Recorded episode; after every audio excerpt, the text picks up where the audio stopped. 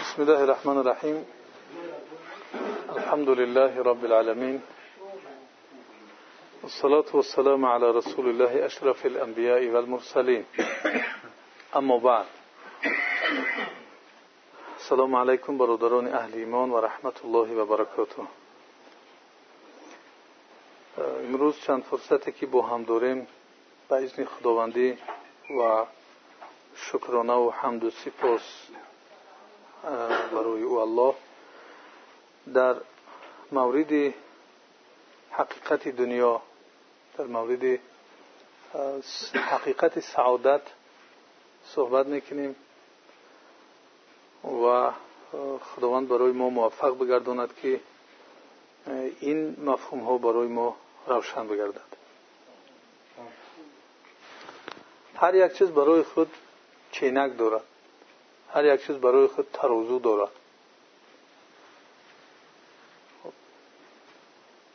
به ترازو به چینک در این دنیا تقریبا زندگی به بندبار می شد حتی اون مسئله که ببینید ذکر کردن که جای کلونا اینجاست جای میده اونجا هست این خودش یک ترازو هست. کلانی و میدگی سالخوردگی و یوشی همه اینها موی سفیدی و موی سیاهی اینها چینک هستند. ثروتمندی و کمبغلی اینا همش چینک هستند. و در بازار هم وقتی که انسان می‌رود یا به طریق ترازو چیزها چین کرده می‌شوند یا به طریق متر قطعی چین کرده می‌شوند. و ارزش هر یک چیز با پول قطعی با مال قطعی ارزش اونها معین کرده می‌شود. که چقدر ارزش دارد و این چنین چینک دیگری هست برای مردم زیاد هستند در حیات که انسان ها را بها می‌دهند به سبب اون که مثلا انسان بسیار تنومند است یا انسان لاغر است انسان ضعیف و ناتوان است انسان ثروتمند است انسان فقیر است انسان دارای وظیفه و منصب کلان است انسان بی وظیفه و بی منصب است. اینها همش چینک های هستند که در حیات وجود دارند و در این اساس انسان ها و حیات بهاگذاری کرده می شود و انسان با یعنی حیات معامله می‌کند و سعادت را می‌خواهد به دست بیارد. در اساس همین چینک ها پس این چینک ها این ترازوها این میزان هایی که ما داریم آیا همش درست هستند این است مسئله اساسی. و اساسی ترین چیزی را که انسان در این دنیا جستجو دارد اون سعادت است. در این دنیا انسان هر خیلی باشد نباشد می‌خواهد که سعادتمند باشد. هر خیلی باشد نباشد می‌خواهد که سعادتمند باشد پس ترازوی که سعادت میسنجد چیست؟ میزان سعادت از کجا پیدا بکنیم. آیا سعادتمند کسی هست که همیشه سلامتی دارد و بدبخت ناسعادتمند کسی است که بیمار است؟ سعادتمند کسی است کلانسال است ناسعادتمند کسی است که خرد است. سعادتمند کسی است که وظیفه دارد ناسعادتمند کسی که وظیفه ندارد. چی است میزان حقیقی؟ میزان حقیقی سعادت از فکر و اندیشه مردم گرفته نمی شود بلکه از کتاب الله گرفته می شود از قرآن. میزان و ترازوی سعادت از قرآن گرفته می شود همه چیزها اندازه و ارزششون در قرآن کریم بیان شدگی هست. و اون است که معین می‌کند که این چیز ارزش دارد یا ندارد. نتیجه این چیست؟ نتیجه هر یک چیزی را که ما می‌بینیم چی است؟ عاقبتش چی است؟ خوب است یا بد؟ این را قرآن معین می‌کند. یا اینکه از قرآن ما این میزان و این ترازوها رو پیدا کرده می‌تونیم. از قرآنی که متاسفانه این چند عصر اخیر مردم مسلمان آهسته آهسته از آن دور هستند. چند عصر اخیر دو سه عصر اخیر علاقمندیشون به قرآن روز تو روز سست می شود مناسبتشون با قرآن سست می شود از این جهت مثل دیگرها گشتند که سعادت را مثل کسی که در غیر قرآن جستجو می‌کند مثل اونها جستجو دارند سعادت را در پولداری می‌بینند سعادت را در فرزند داشتن می‌بینند سعادت را در داشتن می‌بینند سعادت را در خب نمی‌دونم هر یک چیزی که دیگر هست. هر یک چیزی که مردم از صبح تا بگه و تا بگه سری اون کار می‌کند و از بگه تا صحت به فکر اون خوب می‌رود.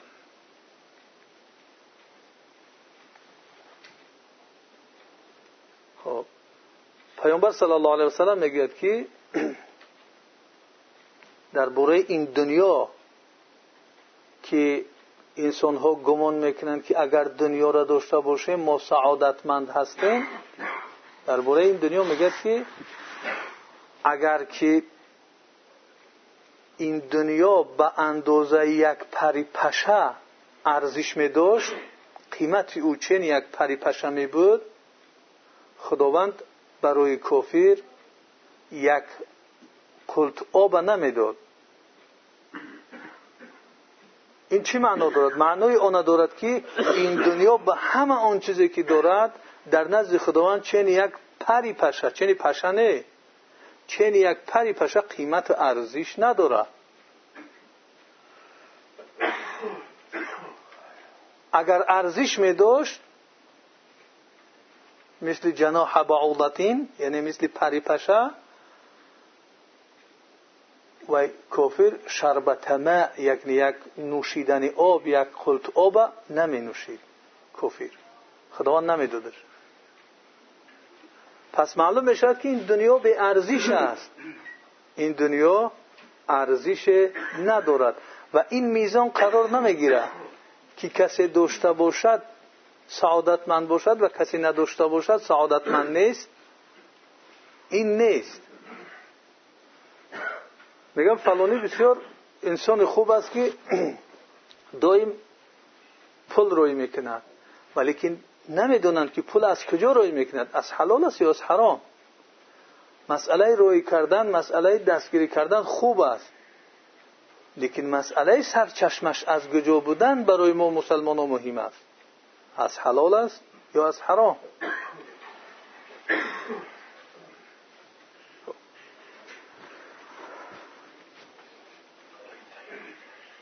از ناچیز بی ارزش بودن دنیا هست که خداوند این دنیا را برای کافی رو همین خیلی یک دادگی است. یک لخ دادگی شد میلیارد میلیارد.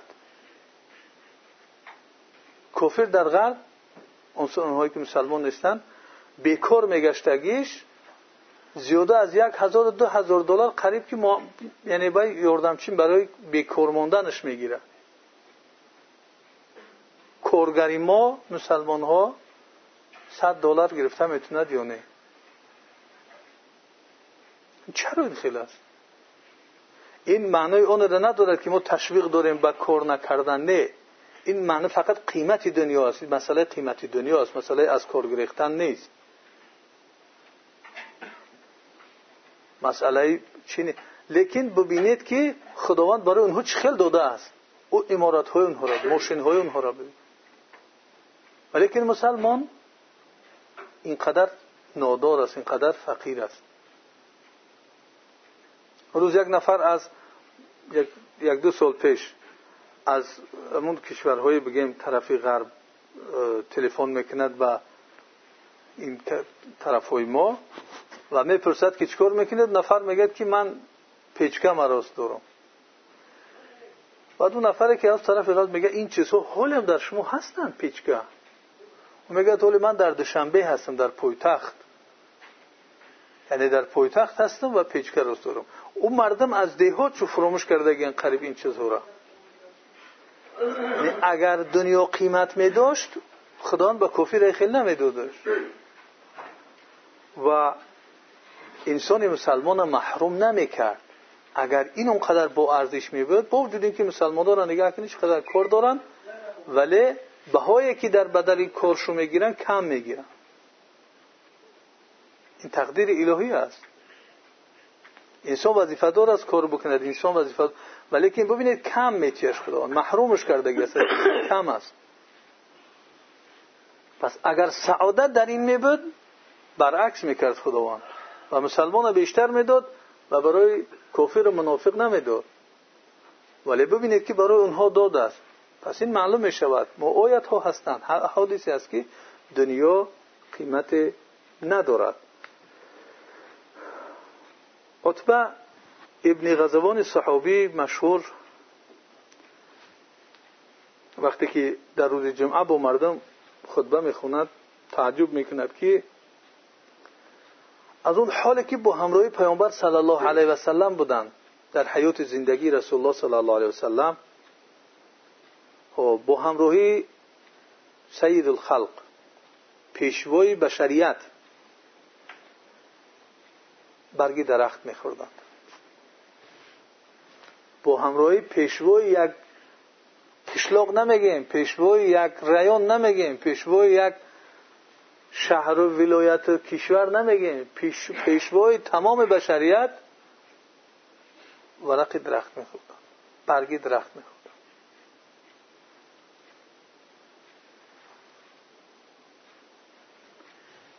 و ساعت هایی که در حیاتشون از اون از همه دیده تر بودن همون ساعت شد.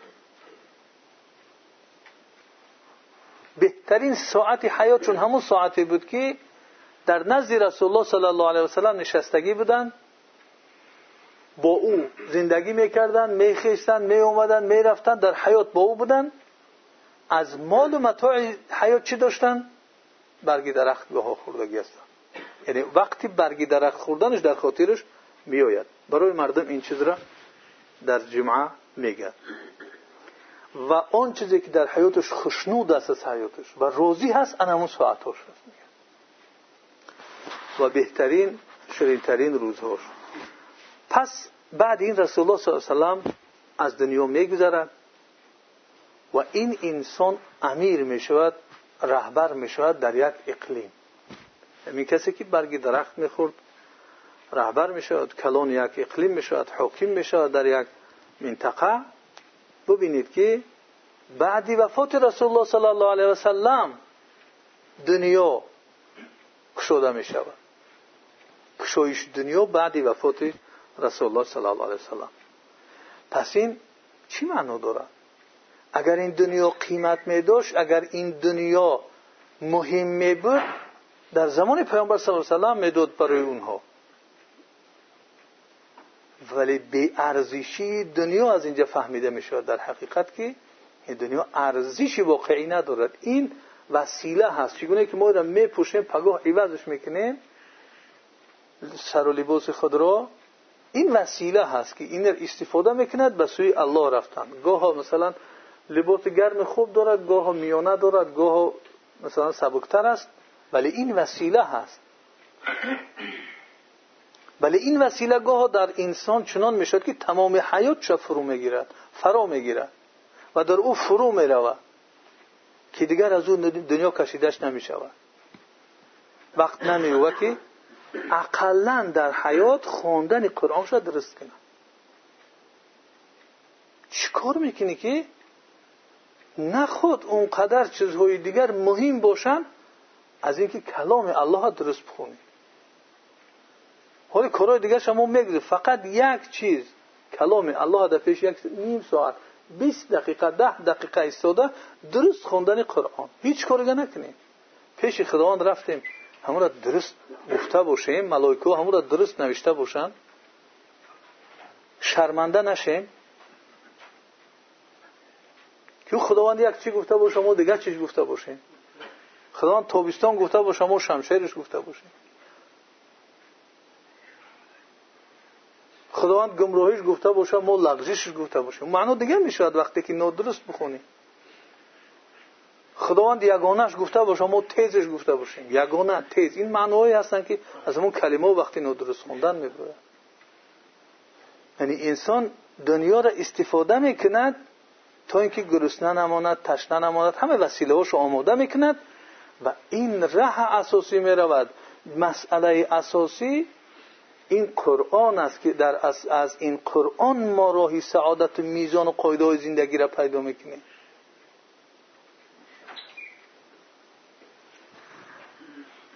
رسول الله صلی الله علیه و سلم با اصحاب کرامش با بهترین خلق با بهترین با بهترین این امت خیر القرون قرنی بهترین عصرها گفت. پیامبر صلی الله علیه و که عصر من است. حضرت ابو هریره که بیشترین روایت ها از زبان ابو هریره رضی الله عنه آمدگی است برای ما رسیدگی است. دین میگه دو روز و سه روز من چیزی نمیافتم بخورم. من هوشم می‌رفت. مردم می‌گفتن که کسلی شده ترس ورش از جین زده شده من میگه هیچی بلا نزده بود من جین نزده بود. من گرسنه بودم میگه از گرسنگی را دیگر. بهترین خدمت را که کردگی از ابو هریره. رضی الله عنه در شکمش رو یک سنگ دو سنگ میبستن تو اینکه معده آنها رو غم نتید معده قرار بگیرن همه صحابه یک سنگی میبستن پیامبر صلی الله علیه و دو سنگ میبست نمی‌تونید خدا رو دعا کنید پروردگار رو برای من بتی که دنیا چیزی نبود که طلبش بکند لیکن هر مجلسی که می ایستاد می گفت بعضی روایت که هفتاد بعضی روایت که صد بار استغفر الله می گفت پیامبر صلی الله علیه و یعنی پیامبر خدا صلی الله علیه و سلم کسی که معصوم است کسی که گناه های گذشته و آیندهش بخشیده شده است او محتاج استغفر الله بوده است. ما میشینیم فقط صحبت فقط یک گپایی که اصلا استغفر الله گاه از خاطر ما میبروید هر مجلسی که میستود یا که اقلا در روزش صد بار استغفار می‌گفت. رسول خدا صلی سعادت از او راه سعادت از او مختن در کار است. امروز ما فخر می‌کنیم به چی؟ به اینکه من خانه دارم به اینکه من وظیفه دارم به اینکه من ماشین دارم به اینکه من پول دارم. از مانده بهتر این چیزها را داشتن فرعون و هامان. یکی مدفون دیگری ملعون.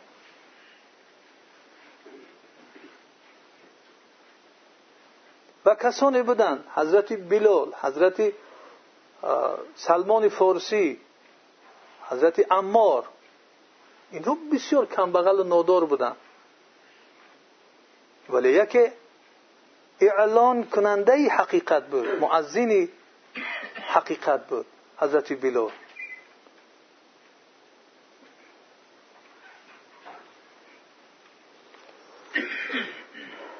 سعد ابن ابی وقاص رضی الله عنه بسیار در دهشت میافتد وقتی که در کوفه رهبرش تعیین می‌کنند رهبر کوفه میشه سعد ابن ابی وقاص بعد وفات رسول الله صلی الله علیه وسلم در خیال میارد همون وقتی که برگ درخت میخوردن رهبر یک منطقه شد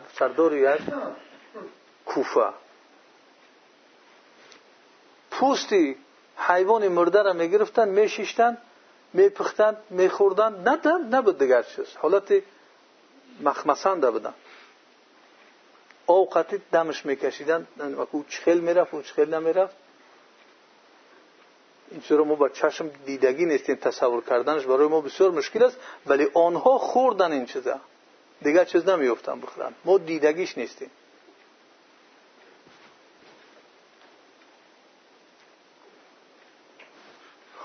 پس می‌گوید که این چی گپ است که این دنیا و این قصرها و این خانها و این چی گپ هستن؟ میگه بعدی رفتن رسول الله صلی الله علیه و اینها برای ما اومدن. رسول الله صلی الله علیه و بود اینها نبودن. یکی از بزرگان وقتی نان میشکند نان سفید می‌خورد اشکش میریزد که رسول الله صلی الله علیه و این گونه نان نخورده بود در حیاتش. این گونه نان سفید پیامبر خدا صلی الله علیه و سلم نخورده بود. بعد که پیامبر صلی الله علیه و از دنیا میگذرد بعد می‌بینی که دنیا اومد. وللآخرة خیر لك من الاولى همان آخرت و عاقبت بهتر خوبتر است برای تو از این مرحله اولی و از این دنیا. پس نباشد در مسئله در این مسئله چی گپی هست؟ چی سر رو چی چیزی نهانی هست؟ خب که آن هم چی است؟ بی ارزش ناچیز بودن دنیا هست که خداوند میفرماید ایحسبون انما نمدهم به من مال و بنین. نسارع لهم فی الخیرات بل لا یشعرون. صدق الله العظیم آیا مگه گمان می‌کنن اون چیزی که برای اونها مال میتیم فرزندان داده ایستادیم شو خیال می‌کنن که ما شتاب کرده ایستادیم که این خیرات رو بتیم در بدل اون کارهای کردگیش و کارنمایی هایی که در حیات کردن ما همون پاداش نداده ایستادیم بلکه اینا احساس نمی‌کنن بله یشعرون این گفته خداوند است میتیم وقتی فرزندا را داده ایستادیم شو خیلی میگن اگر که اشتباهی کاری کردگیش نمی بگیم اویلکشو نداده ایستادیم یا که پاداش اون عملشو نداده ایستادیم که کارای خوب کردگیان در بدل او هست. این دادن ها دو معنی دارد. درست است یک معنیش ممکن است از راه تقوا باشد یک راه دیگه یک راه دیگری دادنش چی است سنستدریجهم من حیث لا یعلمون. این انسان وقتی به گناه می رود به خطا می رود خداوند دیگه دادنش می‌گیرد. از جای اونها را درجه به درجه می‌برد مال بیشتر فرزند بیشتر دنیای بیشترش میتید که دیگر غرق می شود در گناه و غرق می شود در همون خطاش خب چگونه که پیامبر صلی الله والله مل فقر اخشى علیکم قسم به خدا که من از فقیری شما یعنی بر شما فقیری برسد نمیترس ولیکن اخشى ان یفتح علیکم الدنیا ولیکن من میترسم که دنیا برای شما کشاده شود فتنافسوها كما تنافسها الذين كانوا قبلكم او كما قال رسول صلی الله علیه وسلم یعنی شما بعد مسابقه کنید در دنیا هم که پیش از شما بودن و فایهلککم کما اهلکتم. شما را هلاک بکنه چخیلی که پیش یار هلاک بود هم خیلی هلاک شد کنی مسابقه در قرآن خوندن؟ کنی مسابقه در قرآن ازیاد کردن؟ مسابقه داریم در پولی بسیار داشتن مسابقه داریم در ماشین خوب داشتن در وظیفه داشتن در دیگر دیگر و دیگر مسابقه ما در درست خواندن قرآن مسابقه ما در بیشتر ازیاد کردن کلام الله. که این فخر است در کجاست؟ خیل خیال نکنید که این قرآن خواندن یاد گرفتن فقط برای همون کودکک ها است. تا سن مکتبیشونه تا وقتی که ما زنده هستیم بنده الله بزرگ هستیم. ما بزرگ نیستیم. ما همون بنده هستیم. همون بنده الله هستیم که خداوند از ما طلب می‌کنه. موافق قدرت توانمندیمون. باید اون طلبات الله سبحانه و تعالی اجرا بگردن. ببینید در بدل طلبات الله طلبات نفسی ما هست. که بیشتری وقتی ما برای انجام دادن طلبات چی است نفسانی است یک انسان بیمار می شود در بلنسه می رود پول دارد ندارد پول داشتگیش از سر میگیند نداشتگیش مثلا قرض می‌کند. ولی برای بیماری قلبی که داریم چرا؟ بلنسه نمیریم چرا پیش یک عالم دانشمنده که این دینی خدا را می‌دوند نمیریم که قلب ما را؟ این مشکلاتی که داریم این دروغگویی که در زبان ماست این حقارت چیگی که در زبان ماست این غیبت چیگی که در وجود ماست این ترازو زنی که در بازار داریم این فریبگری این ریشوخوری این پارگیری این یک کس بد دیدن یک کس به چشم حسد نگاه کردن خبرکشی کردن اینها بیماری های قلبی هستند که اینها آخرت انسان ویرون می‌کنن. آدم به دوزخ می‌برن. چرا این بیماری ها رو نمیریم معالجه کنیم یک جای بدنش درد کنه راست بهترین طبیبا را میکواد پولی داشتگی نداشتگیش صرف می‌کنه. ولی قلب بیمار است. مشکلی های زیادی دارد که خدا آیا خداوند راضی هست؟ وقتی که کار می‌کند روز تو بگه در بزرگ مردم گرمش می‌زنه این بیمار است. این باید معالجه شود هر جا که بشیند غیبت می‌کنه. راضی است خداوند از این؟ آیا اون سعادتمند است با همین ترازو زدنش این دیگریش با غیبت کردنش؟ اون دیگرش میستد قرار میتید مردم پولش گرفته است اینش در زپرفکو پولی مردم می‌زند مثلا گرمش کم میتید این سعادت است این خوشبختی است فریب کرده پولی مردم خوردن یک کس بد دلش حسد دارد بدبینی دارد یا عجب دارد یا کیبر دارد نه همش بیماری حلاکت کننده هستند این سعادت است یک انسانی که کیبر دارد غرور دارد حسدخوری دارد این انسان هلاک می‌کنه. اگر بیماری فقط دنیای ما را ویرون بکند اون بیماری ها آخرت هم ویرون می‌کنه. ابدیت ویرون می‌کنه.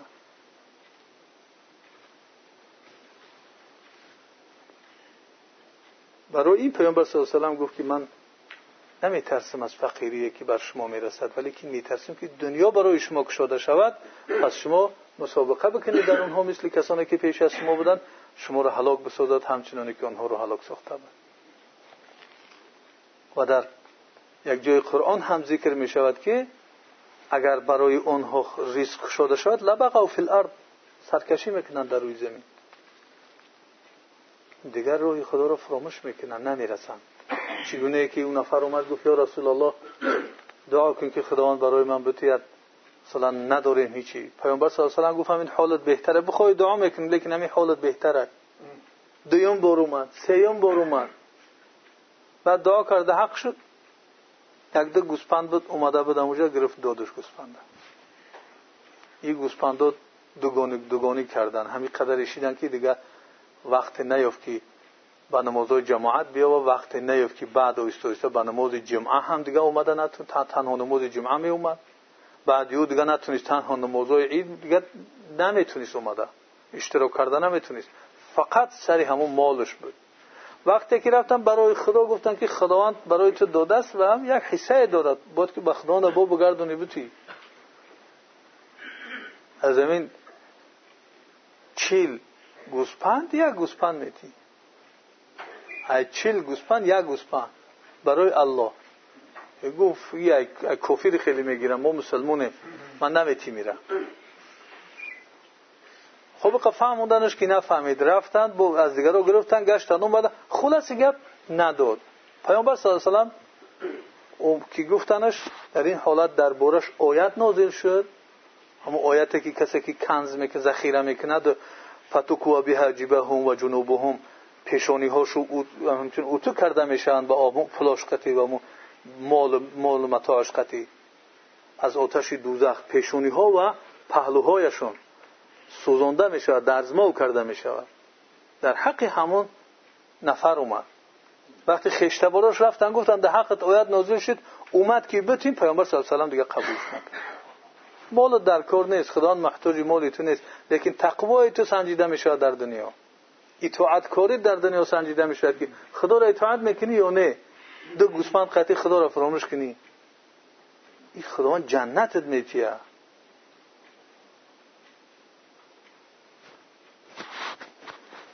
حضرت ابوبکر صدیق رضی الله عنه خلافت شد اومد نگرفتش. حضرت عمر رضی الله عنه خلافت شد اومد بتیم بگیره ببخشه منه. نگرفتنش در کار نیست پول مولد برای خداوند او در کار نیستن. یک سنجیش یک امتحانه. و انسان هم از گرسنگی نمی‌برد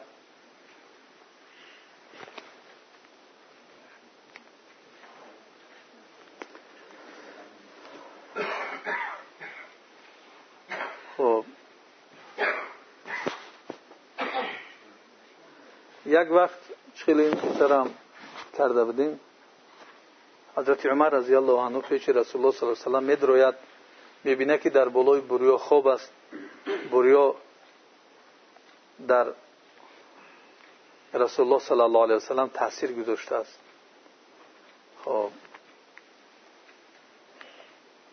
تاثیر هم در همین پهلوهاش چیش حضرت عمر رضی الله عنه این رو می‌بیند که پیشوای بشریت پیشوای پیامبران امام و رهبری همه انسان ها در این حالت است که چگونه که در قرآن تعنه کردن پیامبر صلی الله علیه و قرآن آوردگیش است که چگونه تعنه کردن؟ و قالوا ما لهذا الرسول یاکل الطعام و یمشی فی الاسواق.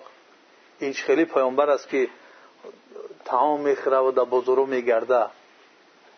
خب تعنهش کرده بودستن عمر رضی الله عنه میگد که این خسره و قیصر روم در اون حالت هستن و خب یا رسول الله خیلی که می‌دونی. اونها خیلی یعنی در نعمت ها هستن. رسول الله صلی الله علیه وسلم گفت افی شک انت یا ابن الخطاب؟ اما ترد ان تكون لهم الاخره ولنا الدنیا. ای پسر خطاب گفت شبهه داری آیا راضی نیستی که برای اونها دنیا باشد و برای ما آخرت؟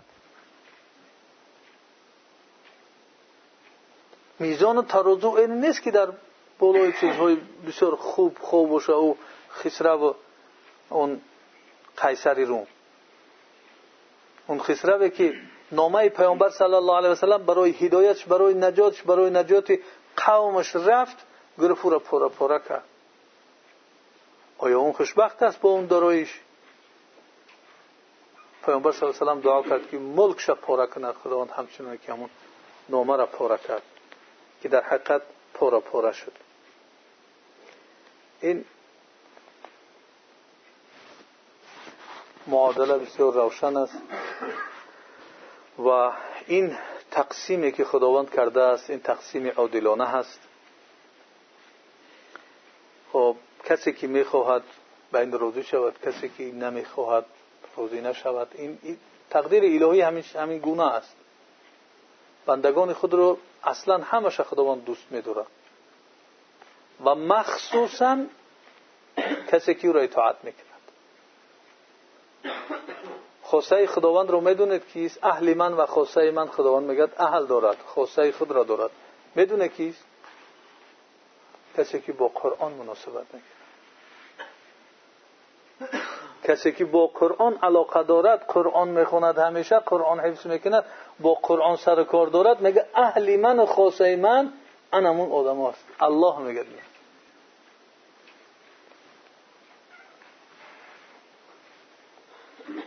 پس نگفت که اهل من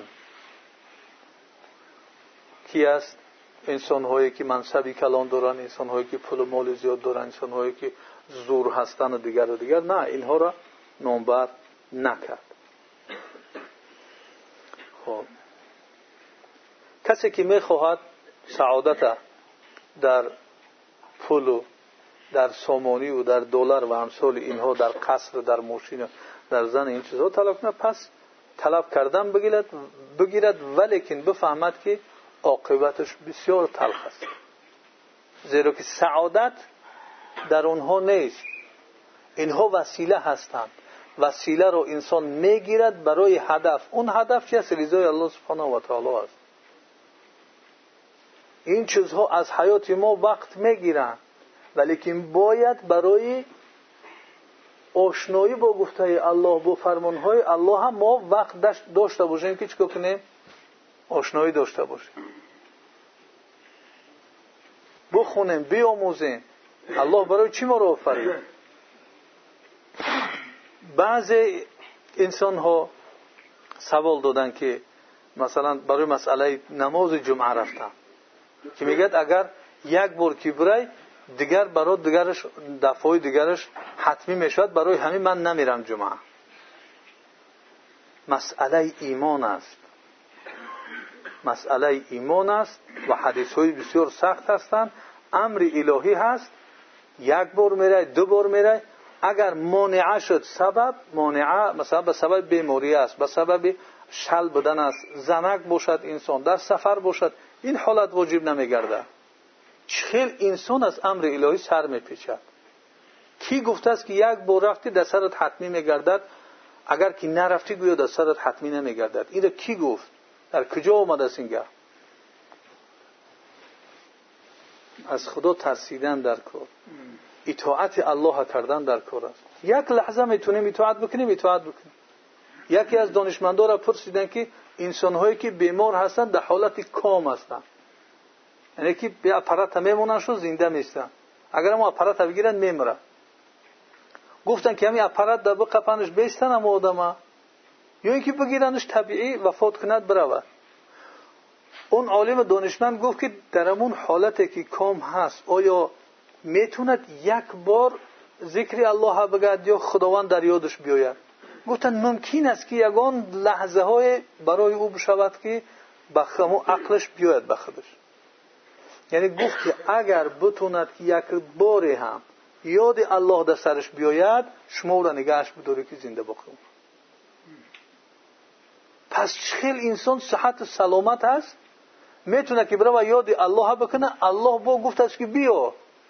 یا ایها الذین آمنو ای کسانی که ایمان آورده اید. ایماندارا را میگه. اذا نودی للصلاه من یوم الجمعه فاسعوا الى ذکر الله. وقتی که ندای روز جمعه کرده شد فاسعوا الى ذکر الله. به سوی ذکر خدا فاسعوا. در نماز سعی اومدگی نیست. در اینجا سعی اومد که شتاب کن گفت. و ذر البیع. حتی تجارت تا گفت که بگذار. تجارت نکن در این حالت. کار یعنی تجارت این همه دیگه کارو برده پس انسان ببینید که چکار می‌کند؟ از این فرصت هایی که برای منفعت خودش است برای سعادتش هست استفاده نمی‌کنه من كان يريد الحياة الدنيا وزينتها نوفي إليهم أعمالهم فيها وهم فيها لا يبخسون أولئك الذين ليس لهم في الآخرة إلا النار وحبط ما صنعوا فيها وباطل ما كانوا يعملون کسی که حیات دنیا رو می‌خواسته باشد خداوند میفرماید و زینت آن رو می‌خواسته باشد نوفی الیهم اعمالهم فیها. پاداش عملهاشون پره در این دنیا میتیم و هم لا یبخسون. یگان کم و کاستی را خداوند میگه نمی‌کنی بر اونا یگان کم و کاسته در پاداش عملش نمیگردن هر چی عمل کرده کاملا حقش میتیم خداوند میگه من حقش میتیم اولئک الذین لیس لهم فی الاخره الا النار.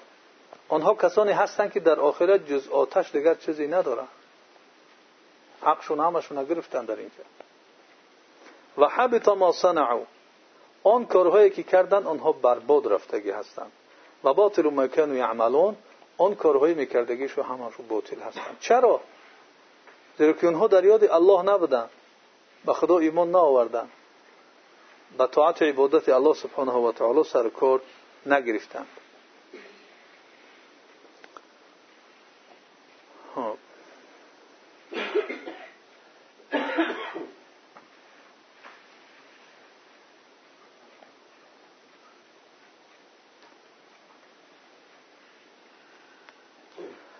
یکی از قصه ها را در اینجا میاریم از یک روزی از روزهای یکی از صحابه های کرام از بهترین صحابه ها و بزرگان اونها که اون هم حضرت علی ابن ابی طالب رضی الله عنه است. چند وقت دیگر مونده است. حضرت علی ابن ابی طالب رضی الله عنه خب با همراهی دختر رسول الله صلی الله علیه و جگرگوشه پیامبر صلی الله علیه سلم در یکی از روزها در خانهشون بودند سحر میخیزند. فاطمه رضی الله عنه خانهش رو میکوبد یعنی یک تعام برای حضرت علی کرم الله وجه آماده کند در خانهش چیزی پیدا کرده نمی‌توند دختر پیامبر صلی الله علیه سلم سیدت نساء العالمین علیه و سلم رهبری بشریت است دخترش رهبری همه زنهای عالم است. بهترین زنهای عالم میخیزد سحر به شوهرش میگه چای کنم تمامش بیارم. مسکن و شیرچای اون چیزی که ما می‌دونیم و امروز مثلا مردم ما منتظر است که هر سحر فاطمه رضی الله عنها در خونش چیزی پیدا کردن نمی‌تونه که برای شوهرش بیاره.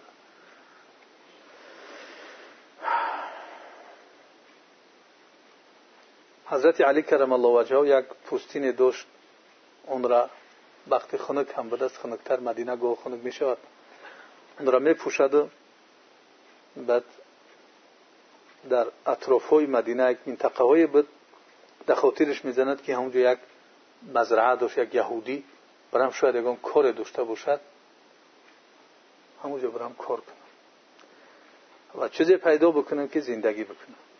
یعنی و نمی‌تونست که خونه پیامبر صلی الله علیه و برود یک نان قرض کند. نمی‌تونست خونه ابوبکر صدیق برود یک نان قرض کند. برادرها داشتند عمک داشت. خیشتوارا داشتند اصحاب کرام بود. نمی‌تونست برود خونه اونها بگیره پوشید پشممون پوستین شو و برو آمد یک یهودی زمین کیش داشت زراعت و رفت درش کوبید. و اون یهودی گفت که ای عربی برای یهودی که همشون دشتی هستن عرب دشتی هستن اون بودیانشین گفت بیا از همون چاه بود از چی؟ ببرار هر یک ستیلی یا یک ستیلی کلونده یک دونه خرماد میدی.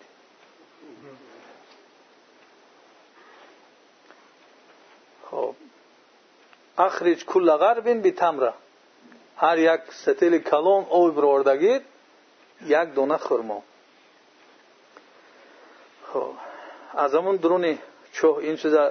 همون درونی چوه این چیزا شتره یوردن می‌کرد که شتره زور نیایا یهود غمی شترش می‌خورد که این عربی بیای یه عذاب کشه مایله شترش عذاب نکشه خب یوردن می‌کرد شتره او بروردن گرفتن تا جایی که خب یک زمان کار کرد حضرت علی کرم الله وجهه حتی تریم یده دستاش برم کردن حضرت علی کرم الله وجهه و جسمش بسیار خسته شد. پس به عدد همون سطل های برآوردگیش اون یهودی خرماش داد که گرفت چو وقتی آمدنش به خونه شه به پیش خونه پیامبر صلی الله علیه و سلم میگذاشت. با بعضی از اون خرمه را برد به پیامبر علیه السلام داد و باقی مانده شب برد. تمامی روز شونه با همون خرمه ها گذرانده این است حیات یکی از بزرگترین صحابه ها با همراهی دختری سرداری بشریت رهبری بشریت که این گونه روز گذرانده. این بود حیاتشون. لیکن آنها احساس می‌کردند که با این ناداری احساس می‌کردند که خانه های آنها پر از سعادت است پر از نور و خوشنودی است. آنها از این نداشتن آرد و روغن و این چیزا دولنی نمی‌شدن. آنها کسل دل نمی‌شدن. برای آنها دردی دیگر داشتن که اون تمام نمی‌شد. اون نور نور الله بود اون نور ایمان بود. اون چیز قلبهای آنها را قوت می‌داد. این گرسنگی تشنگی این میگذرد این مهم نیست. این حل کرده می‌شد چهار ساعت لمه برداری زندگی رفت. ولی به ایمان نمی شود دور از ایمان نمی شود قلب های اونها در اساس این مبدع های حق زندگی می‌کرد و نمونه های بهترین در حیات شو اونها داشتن. خب که چگونه گفتیم قلب های اونها بیمار نبود. امروز جسم ما همه سالم است ولی قلب بیمار است. اگر جسمهاشو هم ضعیف و ناتوان بود ولی قلبهای بسیار سالم قلبهایی داشتن که رضی الله عنهم و رضوا عنه خداوند از آنها خشنود شدگی است و آنها از خداوند خشنودند ببینید که خب سعادت خوشبختی قارون در کجاست خوشنودی که هامان داشتون در کجاست با اون پول و مالی که داشتن اونها همش چگونه که گفتیم یکی دفن شدگی است فرعون او هامانش ملعون شدگی است.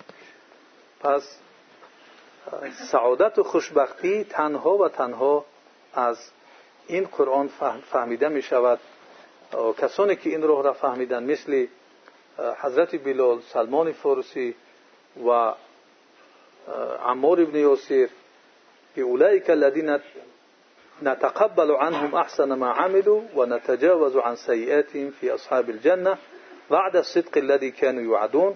آنها کسانی هستند که آنها کسانی هستند خداوند میگه ما فرعون و هامان گفتیم که جاش و کجا هست. این نفرهایی که نادارترین از اصحاب کرام بودن.